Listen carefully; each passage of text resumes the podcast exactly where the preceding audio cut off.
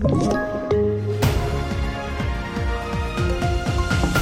Tyfon stoppar scoutläger i Sydkorea. Blixtbonanza igår hemma i Sverige och pubdöd i Storbritannien handlar om i TV4 Nyheterna.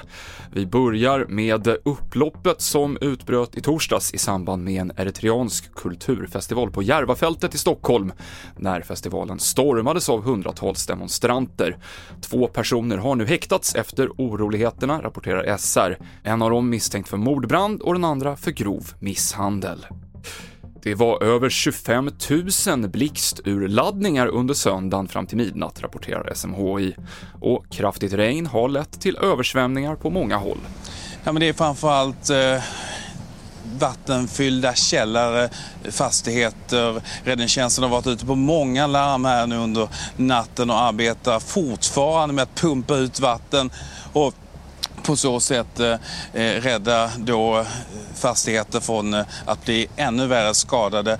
Eh, och naturligtvis också den här kraftiga vinden som har ställt till det på många håll med nedfallna träd. Berättade reporter Mikael Nilsson.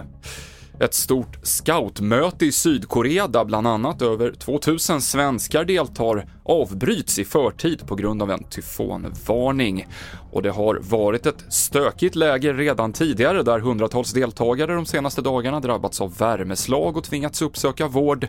Det har också funnits brister i hygien och magsjuka har förekommit. Vi avslutar i Storbritannien där rekordmånga pubbar nu stänger. Puben brukar kallas för britternas andra vardagsrum, men levnadsvanorna har ändrats, säger James Savage som är chefredaktör för The Local. Alkoholvanor har ändrats, folk dricker mindre än de gjorde tidigare. Men så har också sociala vanor förändrats. Folk kanske inte bor, kanske inte är så tätt sammankopplade med sin by som de en gång var. De kanske pendlar till och jobbar någon annanstans, så de känner att, ja, inte samma tillhörighet. Eh, och, och så har de andra saker att göra. De tittar kanske på streamingtjänster på kvällen istället för att, istället för att gå till pub klubben. Berättade The Locals chefredaktör James Savage och det avslutar TV4-nyheterna. Jag heter Mikael Klintevall.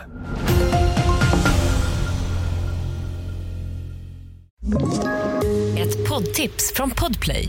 I fallen jag aldrig glömmer djupdyker Hasse Aro i arbetet bakom några av Sveriges mest uppseendeväckande brottsutredningar går vi in med hemlig telefonavlyssning och, och då upplever vi att vi får en total förändring av hans beteende. Vad är det som händer nu? Vem är det som läcker? Och så säger han att jag är kriminell, jag har varit kriminell i hela mitt liv men att mörda ett barn, där går min gräns. Nya säsongen av Fallen jag aldrig glömmer på Podplay.